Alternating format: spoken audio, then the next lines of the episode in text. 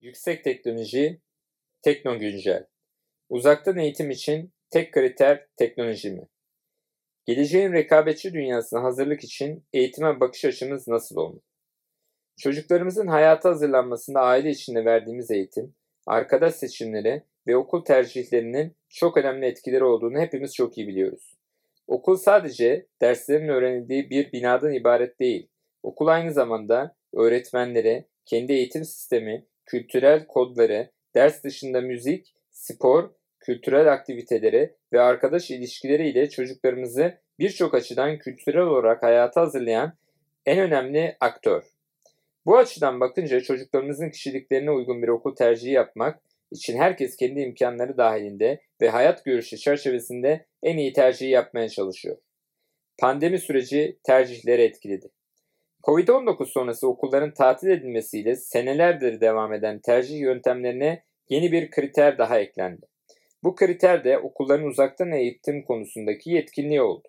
Milli Eğitim Bakanlığı'nın okulların devam etmeyeceğine karar vermesiyle tüm velilerin ve öğrencilerin kafasında yeni okul döneminin nasıl olacağı ve devam etmekte oldukları okulun altyapısının uzaktan eğitim için yeterli olup olmadığı sorularının oluştuğu hepimizin malumu.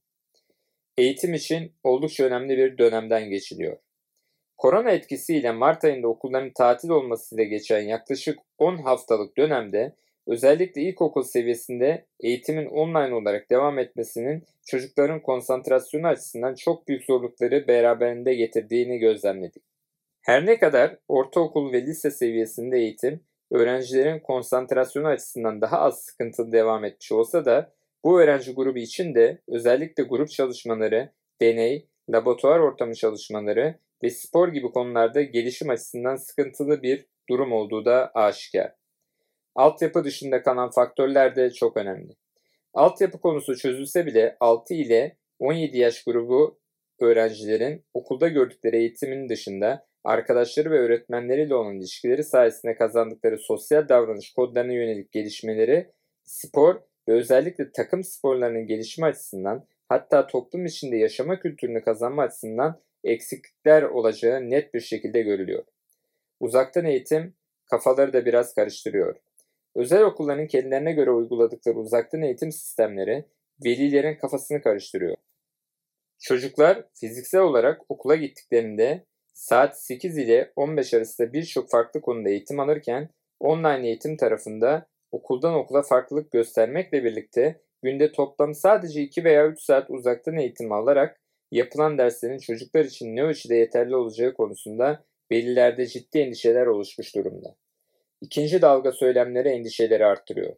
Bir grup bilim insanının Eylül ayında grip sezonunun başlayacak olması nedeniyle Covid-19'da ikinci bir dalganın beklendiğini açıklaması ve bu riskin okulların açılacağı döneme denk geliyor olması velilerin bu endişesini daha da arttırıyor. Veliler, okullar ve okul sahipleri için durumlar farklı. Veliler açısından durum böyleyken okullar ve okul sahipleri açısından durumu merak ettim.